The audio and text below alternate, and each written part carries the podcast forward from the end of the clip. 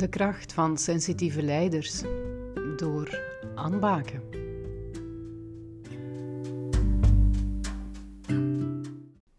Dus als ik het goed begrijp, is een volledig bewustzijn bestaat dat enerzijds uit ik weet wat ik zelf denk en anderzijds ik weet wat de ander over mij denkt. Mhm, ja.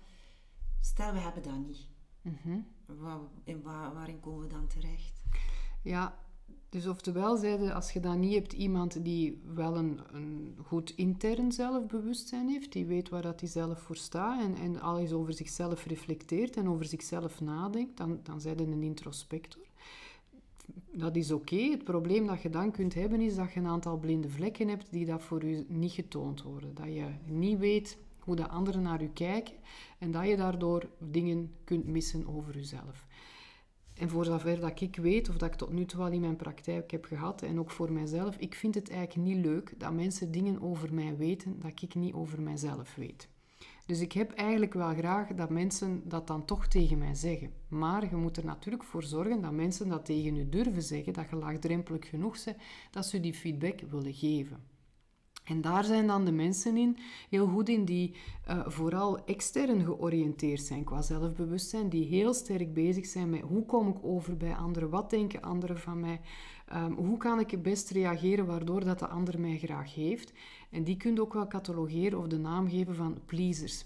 Maar daar is natuurlijk het gevaar bij die mensen dat die zichzelf compleet voorbij lopen, dat die op een gegeven moment zien dat ze in een bepaalde job zitten waarvan dat ze eigenlijk niet goed weten van hoe ben ik hier nu eigenlijk terechtgekomen, wat doe ik hier? Maar ze hebben eigenlijk het leven geleid zoals dat zij dachten dat anderen graag hadden dat zij dat wilden leiden, zonder daarbij in contact te staan met zichzelf. Dus je hebt die twee, die combinatie van die twee wel nodig. Als je niet intern en extern zelfbewustzijn, dan krijgen we eigenlijk, als je dat op leiderschap gaat enten, het type onbewuste leider. Die dat niet weet waar dat hij eigenlijk zelf voor staat, die niet zichzelf in twijfel trekt, die altijd denkt dat hem gelijk heeft en die dat eigenlijk ook totaal geen idee heeft en het zich eigenlijk ook niet interesseert hoe de anderen over hem denken. Het rare is dat dat soort leiders eigenlijk heel vaak de leiders zijn die de voorbije jaren het heft in handen genomen hebben. Dat zijn de leiders met een zeer hoog alfa-gehalte, dominant, zelfzeker, ambitieus, die snel beslissingen kunnen nemen, vlot, vlotte praters, stoutmoedig. En dat is eigenlijk wel het type leider, de stereotype leider, waarvan dat wij denken van ja, dat is een leider. Maar waar dat we nu toch stilletjes aan moeten beginnen zien dat er een aantal zaken gebeurd zijn in het verleden die dan niet zo goed zijn gelopen en dat we eigenlijk een ander type leider nodig hebben die wel die combinatie van dat interne en dat externe zelfbewustzijn heeft. En hoe ziet die er dan uit? Ja, kwaliteiten die dat je aan die leider kunt toeschrijven, is dat die zelfbewuster is, uiteraard. Hè. Die weet wat de anderen van hem denken. Die gaat ook rekening houden met wat anderen uh, opbrengen, met, met hun ideeën. Hij gaat die bevragen, hij gaat met hun feedback rekening houden. En hij gaat dat ook koppelen aan, hij of zij uiteraard, aan zijn eigen waarde. Van past dat voor mij? Ben ik hier dan nog de juiste koers aan het varen? Is dat ook hetgeen dat ik zelf wil? Die, doordat hij bij anderen vragen gaat stellen en meer rekening gaat houden, meer uh, gaat invoelen bij anderen, gaat hij ook empathischer overkomen. Mensen gaan liever voor die persoon werken, omdat zij ook aanvoelen van als we iets zeggen, dan doet hij daar ook iets mee. En die geeft ons ook erkenning voor hetgeen dat we doen. Het is ook iemand die goed kan luisteren, die eerder bescheiden is, die mensen gaat begeleiden, hè, dat coachende, het inspirerende, dat is iets waar je die persoon aan kan herkennen.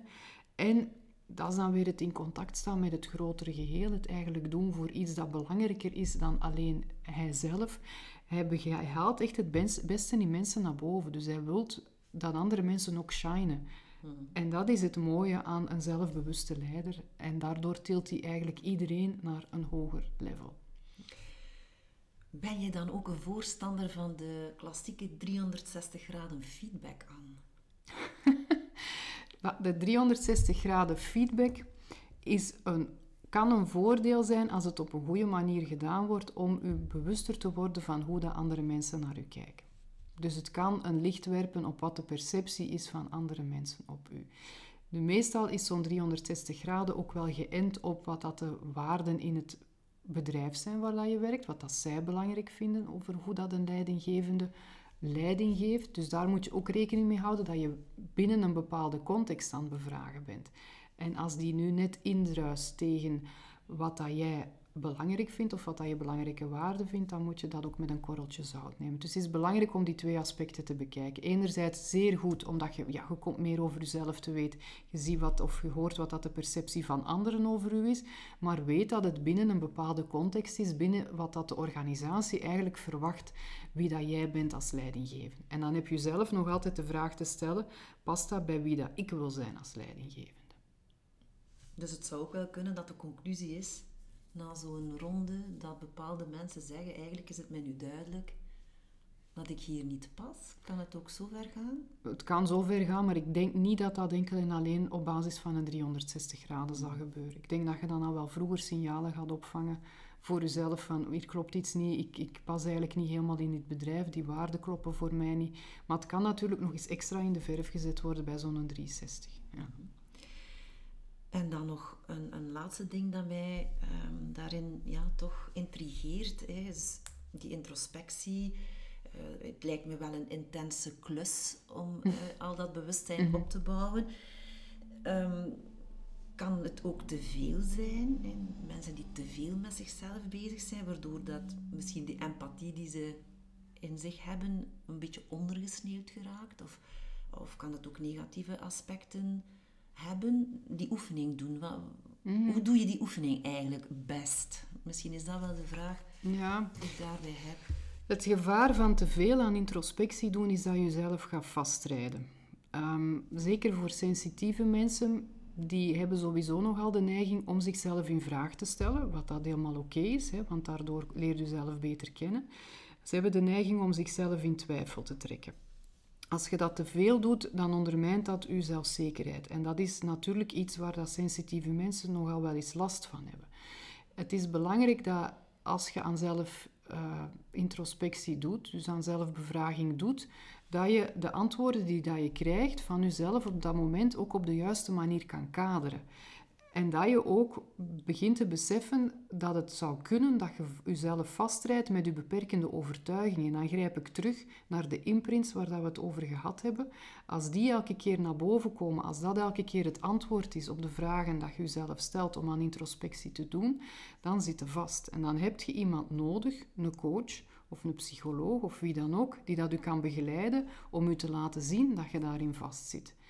Een eh, voorbeeldje daar, als je als een project niet goed gelopen is en jij bent een sensitieve leidinggevende en je stelt jezelf in vraag en je gaat het niet goed lopen van dat project altijd enkel en alleen aan jezelf wijten, omdat je mogelijk met een beperkende overtuiging een imprint zit van ja, ik kan het niet of het zal wel weer niet goed genoeg geweest zijn, dan is dat niet zo goed voor je zelfbeeld en uiteindelijk ook niet voor je team, want hoogstwaarschijnlijk ligt het niet alleen aan u. Moet je ook kunnen zien wat dat het aandeel van de ander is. Je moet op een gegeven moment ook bij je eigen verantwoordelijkheid een streep kunnen trekken. Wat is mijn verantwoordelijkheid? Tot waar gaat die? En vanaf wanneer begint de verantwoordelijkheid van de ander? Als je te veel altijd alles bij jezelf legt vanuit die ehm, introspectie, dan kan dat uh, ervoor zorgen dat je jezelf te veel naar beneden praat. En daarom is het belangrijk dat je daarover met iemand praat die dat het op een objectieve manier kan bekijken en u daar wat wegwijs kan maken in uw eigen bos van beperkende overtuigingen.